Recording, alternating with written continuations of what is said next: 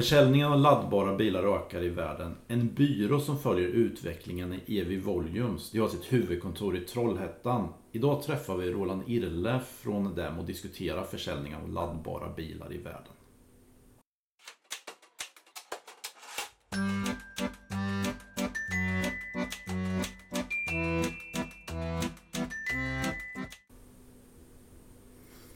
Vad är EV Volumes? Ja, hej. Hej Magnus och tack så mycket att jag kunde medverka i denna podden. EV Volumes är ett statistik och analysföretag för elbilssektorn.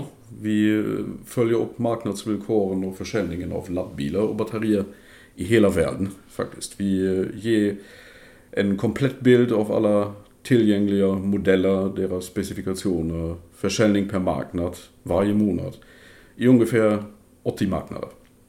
Vi följer även volymer för batteri per kemi och leverantör och i vilka bilar det används.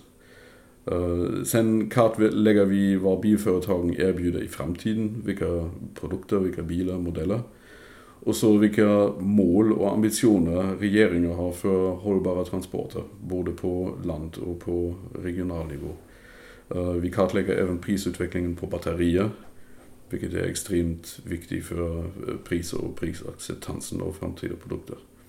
Och även hur skatter och stöd eh, påverkar ägarkostnader och, och därmed eh, efterfrågan. Med hela den kunskapen gör vi även prognoser på den framtida utvecklingen. Ja, och varför gör vi allt det? Branschen måste gå från myter till fakta och vi försöker hjälpa företag i hela världen att lära sig marknaden och minska osäkerheterna i sina investeringar och beslut. Ja, ni åker runt i hela världen och jag presenterar era prognoser och era försäljningsstatistik på konferenser och så. Ni har ju varit med i Guardian och många andra tidningar. Jag tänkte, om du skulle ge din bild, eller er bild, vilka är de stora trenderna egentligen kring försäljning av laddbara bilar i världen, eller laddbara fordon? Ja, vi har haft de, de senaste åren har vi sett en exponentiell tillväxt uh, i försäljning. Uh, särskilt i Kina. Uh, som numera står för hälften av den globala försäljningen av laddbilar. Eh, förra året, alltså 2018, såldes 2 miljoner laddbilar globalt. 2,1 miljoner om man inkluderar lätta lastbilar, alltså light commercial vehicles som vi kallar dem. Och det är nästan fyra gånger så mycket som vi hade 2015. Alltså exponentiell tillväxt. Uh, globalt var ökningen 2018 versus 2017 hela 63 procent. Eh, I Kina var tillväxten 75 procent, i USA 79 procent. Eh, tack vare introduktionen av Tesla Model 3. Eh, I Europa var den 33 procent. För Europa kan man flika in att eh, det råder brist på vissa attraktiva modeller och där har tillväxten hamnat lite lägre än vad den egentligen borde ha varit. Eh, I övriga världen, alltså utanför de tre tidigare nämnda regionerna, var tillväxten 38 procent. För 2019 förväntar vi oss en liten avmattning i, i tillväxten. Vi räknar fortfarande med ungefär 45 procent tillväxt globalt 2019 jämfört med 2018. Ehm, den eh, avmattningen är på grund av uh, sänkta stöd i, i Kina för laddbilar. Uh, och den minskade effekten av Tesla Model 3-lanseringen i Eh, USA som har skapat en enorm tillväxt eh, förra året. Men det eh, fortsätter naturligtvis inte i den takten. En annan stor trend är att rena elbilar, alltså BEV, Battery Electric Vehicles, ökar snabbare än plug-in hybrider. Egentligen i hela världen. Anledningen är att det, bilarna blir allt bättre.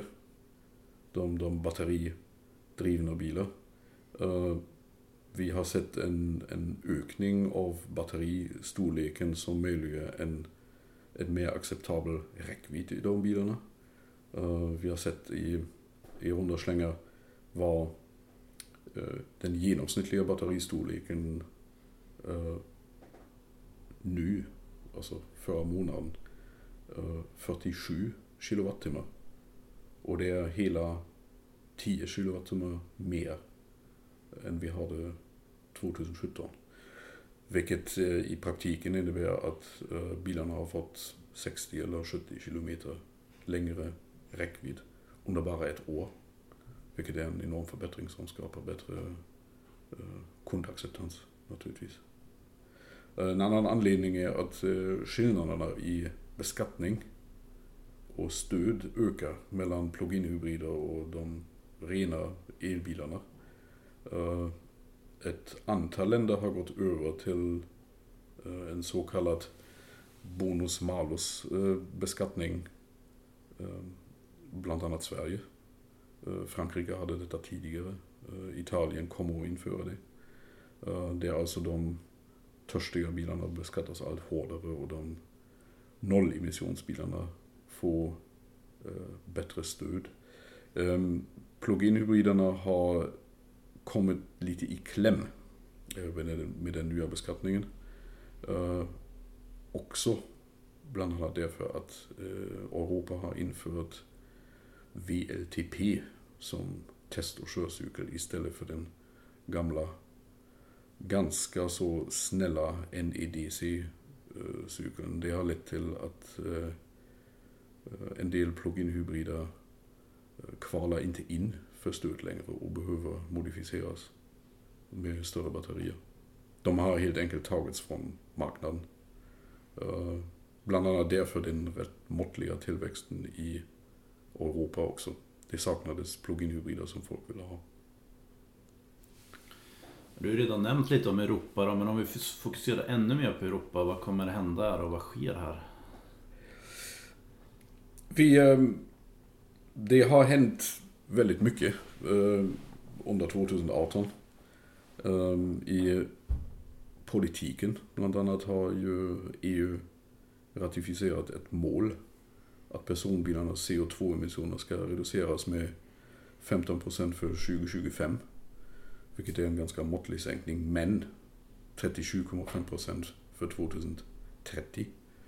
Eh, som baseline tar man 2021 det målet, det, det tidigare målet var enligt den snälla NEDC-cykeln 95 gram. Om man räknar neråt minskar detta med 37,5 procent. Så hamnar man i 2030 på ett värde på 59 gram. Och eh, det kan ligga lite högre om man räknar enligt den nya VLTP-cykeln. Eh, men det är en stor utmaning eh, som kräver jag skulle gissa ungefär en tredjedel nollemissionsbilar i försäljningsvolymen. Beroende på naturligtvis hur resten av portföljen för olika tillverkare ser ut. Så medan eh, 2025 är en rätt så måttlig sänkning så är 2030 en desto större utmaning som kräver mycket mer elbilsförsäljning än vad vi ser idag vad har hänt mer i Europa? Vi jag har nämnt eh, VLTP har ersatt NEDC. Och det har lett till högre cykelvärden. Alltså högre CO2-utsläpp på papper. För alla bilar utan rena elbilar. Och um, Eh, många bilar har därför råkat ut för en högre beskattning.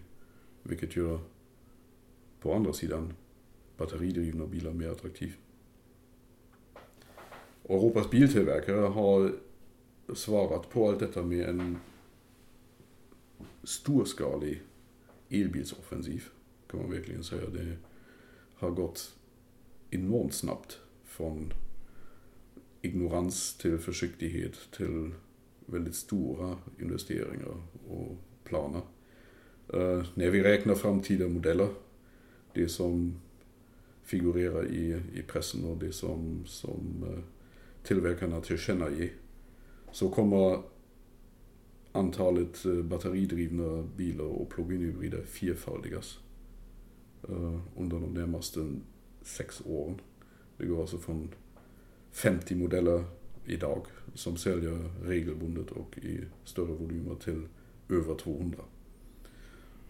Enbart under 2019 ska 30 nya laddbilsmodeller introduceras från europeiska märken på den europeiska marknaden. Eh, de flesta dock under årets andra hälft. Sen är det tyvärr så att, att eh, förseningar i introduktionen av de modellerna är mer regel än undantag. Så man får de 30 bilar. Man får ta dem med en nypa salt. De kommer förmodligen introduceras men inte levereras under 2019 direkt. Eh, vad vi ser också är att intresset för elbilar och kunskapen om elbilar har ökat markant. Om man ska tro på en undersökning som Ipsos har genomfört i Europa så angav en tredjedel av de europeiska respondenterna att de med ganska eller stor sannolikhet köper eller läser en elbil vid nästa, när de ska byta bil nästa gång. Vi, eh, som tidigare nämnt så ser vi även en skift, ett skifte till mer rena elbilar. Øh, Traditionellt, alltså 2017, hade vi en ungefär 50-50 relation mellan øh, batteridrivna bilar och plug-in hybrider. Øh, I 2018 eller i första kvartalet 2019 eh, har det förflyttat sig till två tredjedelar rena elbilar och en tredjedel plug-in hybrider. Och eh, som sagt är efterfrågan på vissa batteridrivna bilar högre än tillgången.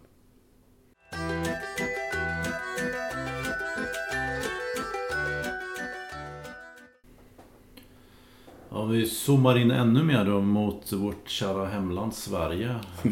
Hur eh, tänker du då? Och även i relation till andra länder, hur utmärker sig Sverige? Sverige står sig bra. Sverige är ju förhållandevis, en förhållandevis liten eh, bilmarknad med ungefär 400 000-450 000 nyregistreringar av personbilar och lätta lastbilar per år. Ehm, 2018 såldes eh, 29 500 lappbilar i Sverige. Vilket är en femte plats i Europa-rankingen eh, vad det gäller volym. Norge var naturligtvis störst igen med 74 400 eh, nyregistreringar följd av Tyskland, Frankrike och England. Och de är ju som bilmarknad mycket större. Tyskland 3,5 miljoner, mm. Frankrike över 2 miljoner även England över 2 miljoner. Och eh, under 2019, de första fyra månaderna, har, har 13 200 laddbilar registrerats i Sverige. Vilket är 55% mer än under samma period eh, 2018. Och eh, det har, även i Sverige har det förflyttat sig markant till eh, rena elbilar sedan eh, bonus-malus-systemet infördes. 2017 var det exempelvis så att en av fem laddbilar var en ren elbil.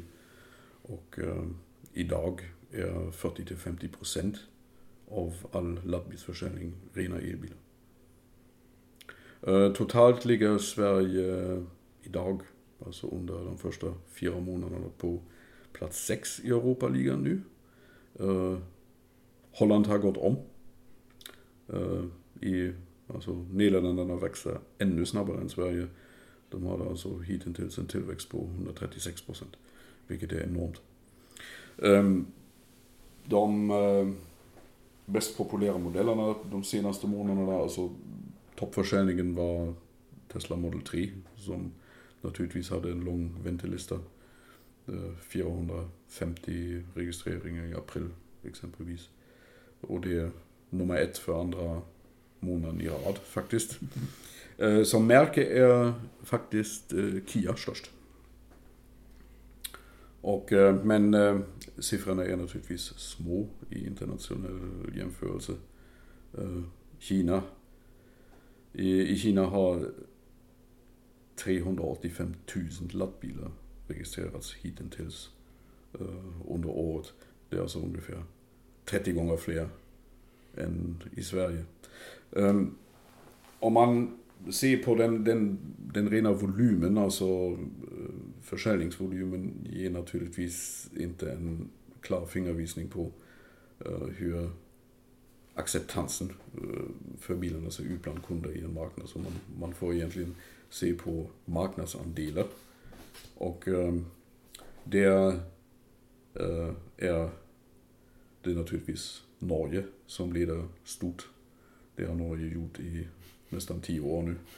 Och eh, det är faktiskt så att eh, under första kvartalet 2019 eh, var 60,5 procent av deras nybilsförsäljning laddbilar.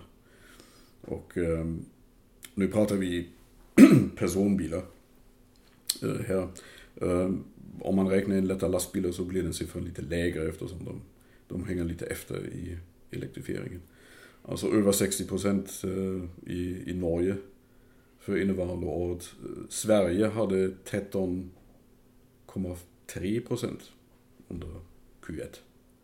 Um, ehm, vilket ger Sverige faktiskt en tredje plats i världsligan vad det gäller marknadsandelar efter Norge och Island.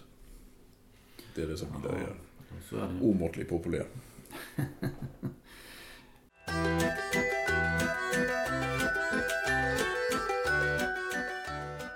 Jag tänkte, vad bedömer ni vara de största drivkrafterna för att förklara försäljning av laddbara bilar? Det varierar naturligtvis eh, i länder och Eh, varierar naturligtvis med kunderna också. Men man, man kan väl säga att eh, de finansiella eh, incitament väger fortfarande tyngst. Det kan vara i form av øh, lägre beskattning än för konventionella bilar. Øh, lägre förmånsvärden än för konventionella bilar. Premier som den tidigare supermiljonbilspremien eller de förmåner man har idag genom bonus-malus-systemet. Andra incitament som exempelvis fri parkering eller användning av bussfiler eller omkörningsfiler på, på motorvägar som är populära i USA. Eh, lägre driftskostnader spelar naturligtvis eh, en stor roll också. Även om fördelarna inte kommer lika snabbt och det är inte lika uppenbara.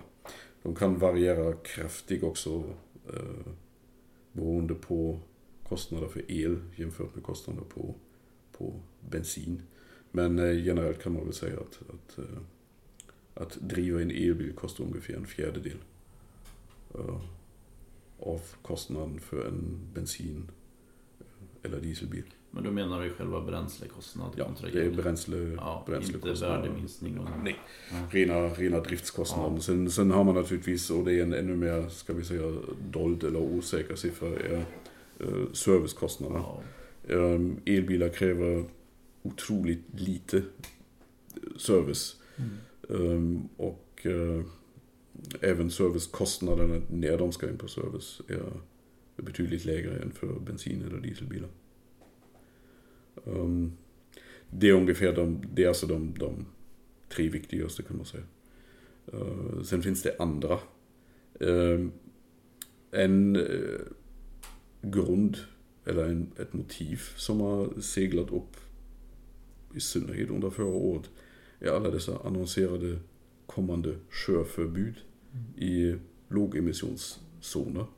Man kan alltså inte vara så säker att man kan ta sig med sin konventionella bil uh, till alla platser där man vill. Utan uh, vissa zoner i innerstäder kommer att vara förbehållen nollemissionsbilar. Eh, vilket skapar en del eftertanke vilken bil man ska välja för framtiden. Eller redan nu. Eh, miljösamvete är naturligtvis viktigt. Eh, I den offentliga opinionen har väl klimatförändringsargumentet en mycket stark ställning av vad folk oroar och även i politiken. Eh, andra anledningar är naturligtvis eh, miljömål i företag eh, och i offentlig sektor. Många elbilar säljs till företag eller i offentlig sektor. Och har man då CSR eller sustainability mål i företaget så kan det driva en del försäljning i realiteten. Sen finns det imagefrågan naturligtvis. Den, många personer eh, vill gärna eh, visa en early adopter image eller att de är framåt tekniskt. Eh, och därför välja elbil eftersom det är, de är övertygade att det är framtidens teknologi och vill visa det för andra. Överlägsen prestanda och komfort är viktig för många. Eh, Tesla har kanske visat för världen vad elbilarna kan gå för. Eh, och eh, för Tesla, för Tesla är det ett viktigt försäljningsargument. Allmän teknikintresse är naturligtvis också viktigt. Ny teknik innovativ teknik. Ja, ett ytterligare motiv är att bilköparna blir allt mer osäkra om andrahandsvärdet av konventionella bilar vid ett snabbt skifte till nollemissionsbilar. De är kanske inte värt någonting längre om tio år. Och därför eh, kan vi eh, se en viss köpåterhållsamhet. Man sitter och funderar. Och även en trend till mer eh, miljöbilsförsäljning. Men det, men det tolkar det lite mer som den uppseglande faktor va? För, för att den här med andrahandsvärdet, att den är lite lägre i listan på, på faktorer som påverkar men på sikt så kan den kanske bli jätteviktig. Ja, ehm, det... Eller hur? Andrahandsvärdet är naturligtvis eh, otestat just nu eftersom det, elbilarna har inte blivit... De är inte tillräckligt många. Och eh, de är inte tillräckligt gamla för att verkligen kunna dokumentera med bred underlag hur andrahandsvärdet förhåller sig för elbilar eh, øh, egentligen. Eh, øh, men øh, det är alltså mer, ska vi säga, en, en känsla fortfarande. En, en misstanke man, man hyser om vad konventionella bilar kan vara värt i framtiden. Absolut. Men då har vi tittat lite på hur situationen är och lite vilka faktorer som kan förklara det. Men om vi då tittar lite framåt, prognoser istället då. Eh, hur tror du försäljningen kommer utvecklas om vi, om vi börjar på världsnivån? Ja, vi räknar med 2020, alltså om två år eh, räknar vi med att ungefär 5% av världsmarknaden vara eh, laddbilar. Eh, för 2025 räknar vi med att ungefär 20% av bilförsäljningen global kommer att vara laddbilar. I början kommer fördelningen vara mycket ojämn. Det finns sådana hotspots i, i världen där det säljs otroligt många elbilar. Exempelvis i Kalifornien.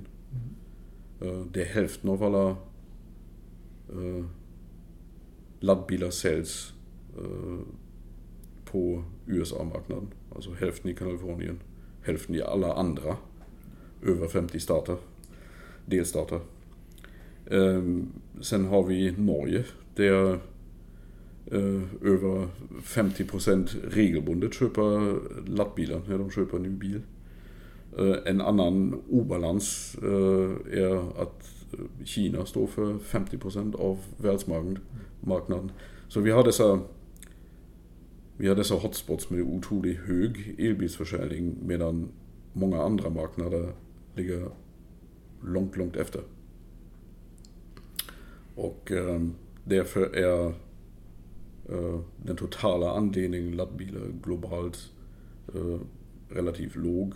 Som sagt 15, 5% i 2020, 20% i 2025. Uh, eh, enligt vad vi har kommit fram till.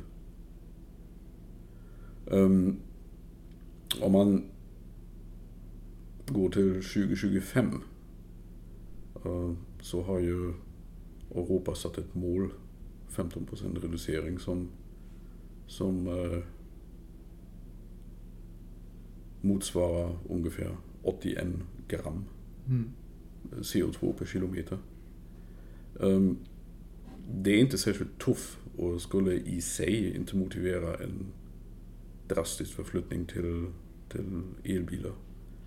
Men um, det som väger ännu tyngre är de kommande ICE, alltså körförbud för konventionella bilar i metropoler och även Øh, uh, säljförbud av konventionella bilar som tio europeiska länder har annonserat med start i Norge 2025. Um, följd av uh, Nederländerna 2030. Uh, Irland 2032. Även Danmark har 2030 om jag minns rätt. Ehm, Frankrike har 2040. Ehm, även England har 2040 som, som mål för att sluta försäljning med försäljning av bensin och dieselbilar. Ehm, England diskuterar nu 2030 faktiskt att skärpa målet. Jag, förstår. jag, jag tänkte bara ta en följdfråga lite om er bedömning om detta med säljförbud. För det brukar nämligen vara en diskussionsfråga. Uh, för det är ju inte så många som är liksom lagtextat utan det är mer målbeskrivningar. Det är sant. Och då undrar jag lite, vad är er tolkning? Hur skarp är de här egentligen? Uh, alltså det är ju... Vad gör ni för bedömning? det är inte sannolikt att alla dessa mål kommer att infrias. Eh, vi har sett regeringar backa från tidigare satta mål, exempelvis i Tyskland eller i Indien. Mm.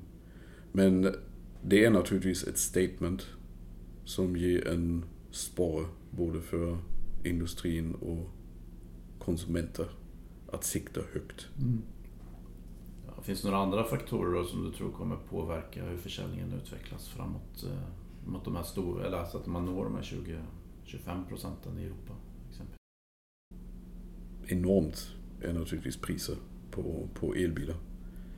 Och det utgår de flesta bedömare idag att um, runt 2024 eller 2025 kommer kostnaderna för elbilar och priser för elbilar vara jämförbara med nuvarande bensin och dieselmodeller.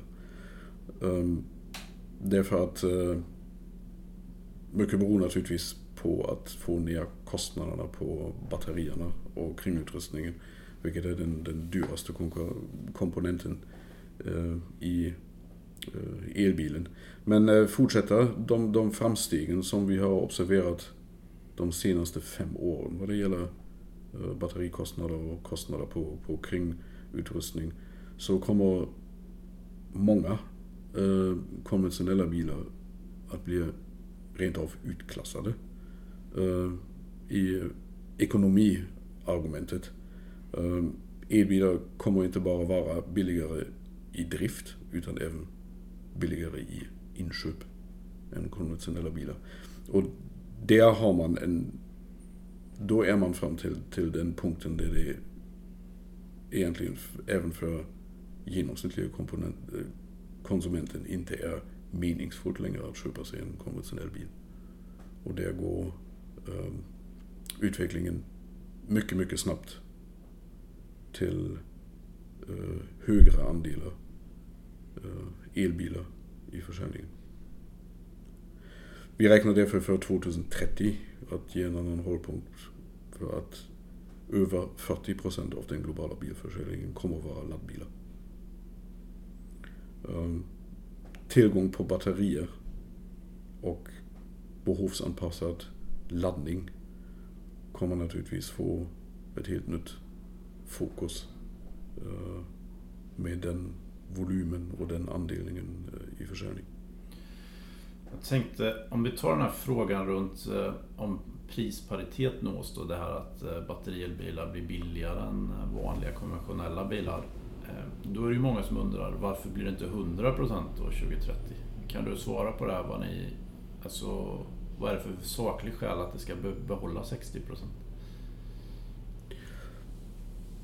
Det är naturligtvis... Eh, man får alltid förutsätta en viss tröghet i systemet. Både hos, komponent, hos konsumenterna eh, och även hos tillverkarna. Ehm, de eh, fördelarna i driftskostnader och även i inköpskostnaderna är inte perfekt transparent eh, för alla. Och ehm, så under en överskådlig tid eh, kommer ICE-bilarna fortfarande vara försvarbara för både kunderna och tillverkarna. Eh, däremot kommer de inte vara lika lönsamma för varken tillverkarna eller kunderna. En annan anledning är naturligtvis eh, laddning, eh, laddtider och eh, infrastrukturer. Eh, det är, även om det satsas väldigt mycket nu på bättre batterier, större batterier, Eh, bättre laddning, täthet i infrastrukturen och även mycket snabbare laddning. Så eh, kommer det naturligtvis ta ganska lång tid tills man eh, kan få sin bil, sin elbil, vad som helst ladda på ungefär 10 minuter eller 5 minuter. Vilket är ett mål av de som utvecklar dessa supersnabbladdare eller ultrachargers som de också kallas ibland. Jag förstår. Om vi, om vi lämnar världen och går och fokuserar på Sverige då. Vad tror du, är det, vad är er bedömning av försäljningsvolymer i marknadsandelar i Sverige framåt? Ja, just nu ligger försäljningsandelen på runt 13 eh, procent. Øh, I en vikande marknad. Kan man säga. Det är många ligger och funderar. Um, Sverige har ett mål att tillåta enbart försäljning av fossilbilar, fossilfria bilar efter 2030. Och med nuvarande försäljningstrend så kommer ungefär 60% av nybilsförsäljningen vara laddbilar i 2025. Trenden pekar åt det hållet. Om det fortsätter med ökningstakten som det har gjort. Eh, och därmed är målet för 2030 eh, med stor sannolikhet uppnåbar faktiskt. Så det är fullt möjligt med befintliga trender och att det blir 100% försäljning av laddbara ja. bilar 2030? Ja. Om det fortsätter i den Ehm, i den takten. Äh, inte exakt i den takten. Man, man får föreställa sig att, att teknologiacceptans är ingen rak linje i prognosen. Utan det är mer en, en S-kurva. Med en exponentiell tillväxt i början och sen en, en avmattning senare i S-kurvan. Men eh, modellerar man den nuvarande trenden runt en teoretisk S-kurva så hamnar man där. Att 2030 kan 100% av försörjningen i Sverige vara eh, laddbilar. Det kräver naturligtvis eh, stabilitet i mål och incitament och eh, kunderna behöver veta vad de kan räkna med. Precis, det tycker jag är en intressant fråga. Vad, vad, tycker du att Sverige bör göra då för att man ska komma upp till de här typerna av siffror? För det, det kanske inte är självskapande utan det kanske finns offentliga aktörer kanske måste göra saker för att det ska hända. Ja. Så vad, vad, tror du det skulle kunna vara för? Alltså, för att skapa förtroende och trygghet i valet att uh, skaffa sig en, en, en laddbil så tror jag man behöver ha en stabil plan för beskattningen av fordon och, och drivmedel. Um, vi har sett eh, exempel från andra länder i Europa där man gjorde drastiska svängningar i beskattningen. Uh, ett exempel är Danmark och ett exempel är Nederländerna. Där man har förstört hela marknaden under två, tre år. Och sen, och nu återbygger man mm. Eh, igen med, med uh, nya beskattningsplaner. Jag tror att för att undvika en sån berg och dalbana uh, tror jag att man behöver ha en mycket konsistent och stabil plan hur beskattningen av fordon och drivmedel ska se ut i framtiden. Det som också behövs är en pålitlig laddinfrastruktur som möjliggör elbilsanvändning utan egen parkeringsplats. Uh, Sverige är ju den gynnsamma situationen att uh, ungefär 60% av alla hushåll uh, är egna villor eller lägenheter med egen uppfart där man kan installera laddare. Eh, men då har man fortfarande de andra 40 procent som bor i lägenhet. Mm. Många av dem utan egen parkeringsplats. De kommer aldrig att kunna ha en elbil eh, om inte eh, möjligheterna till laddning skapas för dem också. Och eh, eh, de har kanske inte en bil alls. De väljer kanske att inte köpa bil av den anledningen. Eller hyra sig en bil när de behöver. Vilket många gör idag. Energifrågan är viktig. Ehm, det måste finnas incitament för intelligent off-peak-laddning. Incitament till egen elproduktion och, och lagring. För att uh, balansera lastarna på, på uh, elnätet. Uh, vi kan inte ladda alla elbilar samtidigt. Det är helt klart. Så det, det måste finnas möjligheter att uh, balansera det på ett smart sätt. Eh, gör man det så tjänar alla på det. Även energibranschen. Ehm, en viktig fråga i framtiden kommer att vara tillgång på, eh, på batterier och även eh, material till batterierna. Och ehm, jag tror att Sverige har i det avseendet en ganska gynnsam Eh, position. Eh, det finns sällsynta jordartsmetaller i eh, Sverige i en större omfattning än i, i andra länder. Sverige har en stor, komponens, stor kompetens på att tillverka elektromotorer, laddare. Ehm, och eh, elkraftanläggningar. Eh, Sverige Northvolt eh, vill bygga en mega eller giga factory för eh, batterier. Alltså vi har ganska goda förutsättningar i Sverige att delta i uppbyggnaden av en egen batteriindustri i Europa. Och eh, det kan man inte helt förbise och det bör uh, myndigheterna och Sverige som regering stödja.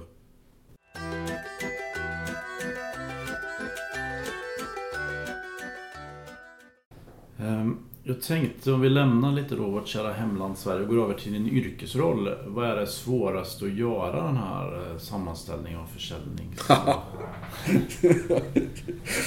fallgroparna är många. Ja. Eh, Man, man Man kanske inte ska eh, berätta hemligheterna vad som är får svårt. ta sig igenom, ja, i ett nötskal är det väl så att eh, vi, vi samlar in den information i, i 80 länder. Det är ungefär de länderna där det finns en nämnvärd elbilsförsäljning idag.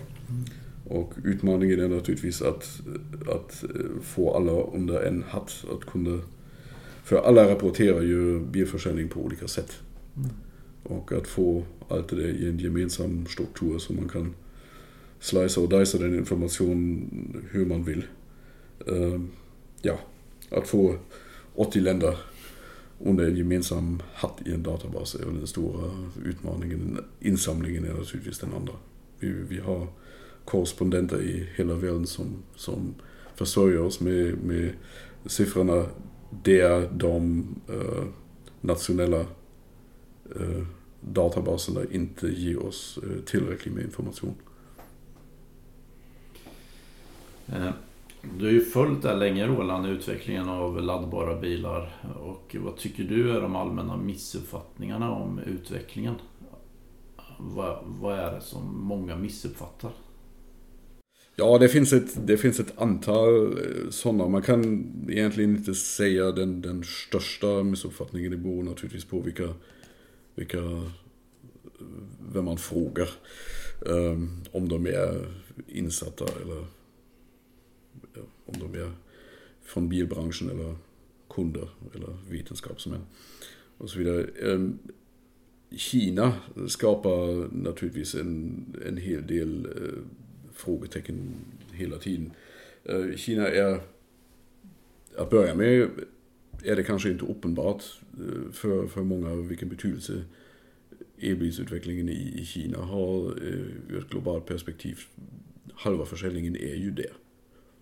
Och eh, vilket är enormt viktigt, vilket ger en enorm tyngd i alla beslut mot, mot elbilar, även i den europeiska in, industrin. Det är så att eh, dessa planer som de europeiska tillverkarna har tillkännagett de senaste, de senaste åren är naturligtvis inte enbart eh, motiverat ur de europeiska målen till CO2-reduktion. Utan i Kina är det egentligen ännu mer bortom. För där måste man uppfylla en, en kvota i, i sin nybilsförsäljning som ska vara så kallade New Energy Vehicles, vilket är laddbilar idag. Och eftersom Kina är den största bilmarknaden för många europeiska tillverkare, visserligen med lokalproducerade produkter, eh, så är det otroligt bråttom eh, för dem att eh, introducera elbilar på bred front. Detta om Kina. Så Kina driver utvecklingen framåt mer än vad man tror. Även om de inte exporterar någonting En. till än till, till övriga världen. De är mycket starka på, på elbussfronten faktiskt. Det har vi inte pratat så mycket än men det är de ju helt dominerande. Ja, de är, ju- det är klasskillnad. Så är det. Ja. Ehm, andra stora missuppfattningar är att eh, elbilar är endast någonting för de rika. Eftersom de är så, så dyra. Man kunde läsa för inte så länge sedan en, en liten undersökning där man försökte korrelera eh, BNP per capita med eh, elbilsandel i, i nybilsförsäljningen I Europa jag i Europa. Ehm, Man kan nästan tro att det ser så ut, men det finns eh, exempel där det garanterat inte ser så ut. Exempelvis i Kina. Mm. Där BNP per capita inte är den som de flesta europeiska länder kan påvisa ändå är eh, elbils eller laddbilsandelen i nybilsförsäljningen två till tre gånger högre än exempelvis i Tyskland. Mm. Eh, en eh, annan missuppfattning är att om alla kör elbilar så tar strömmen slut. Och ehm, det ska man ju komma ihåg att eh, strömförbrukningen under ett dygn är mycket ojämnt fördelat. Och eh, man kan, eh, laddar man elbilarna under de tiderna där industrin och hushåll inte förbrukar lika mycket el så eh, är det ganska lätt att skapa det utrymmet som elbilar behöver i, i den eh, konsumtionen. Och alla kommer att tjäna på det. Det kallas off-peak eh, laddning. Man laddar när det är billigt och när det finns mycket ström. Rent av. En till missuppfattning. Bilindustrins existens är hotad om elbilar slår igenom stort. Ehm, jag tror faktiskt det är tvärtom. Bilindustrins existens är hotad om elbilarna inte slår igenom stort. Det är helt enkelt så att vi kommer inte att kunna använda bilen som vi gör idag om de drivs med bensin eller diesel. Bilen som den frihetsmaskinen som vi har haft den i snart hundra år kommer inte att tillåtas längre i den användningen som vi är vana med. Eh, det går enbart genom en ny, mer effektiv, renare driftsteknologi. Att vi kan ha den individuella användningen av bilar som vi är vana med.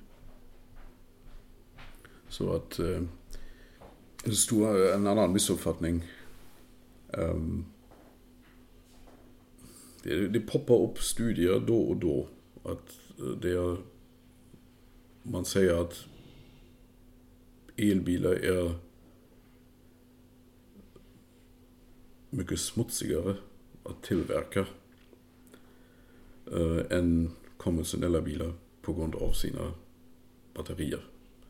Och man har även försökt att påvisa att över livslängden av en bil så har elbilar mer nackdelar än fördelar.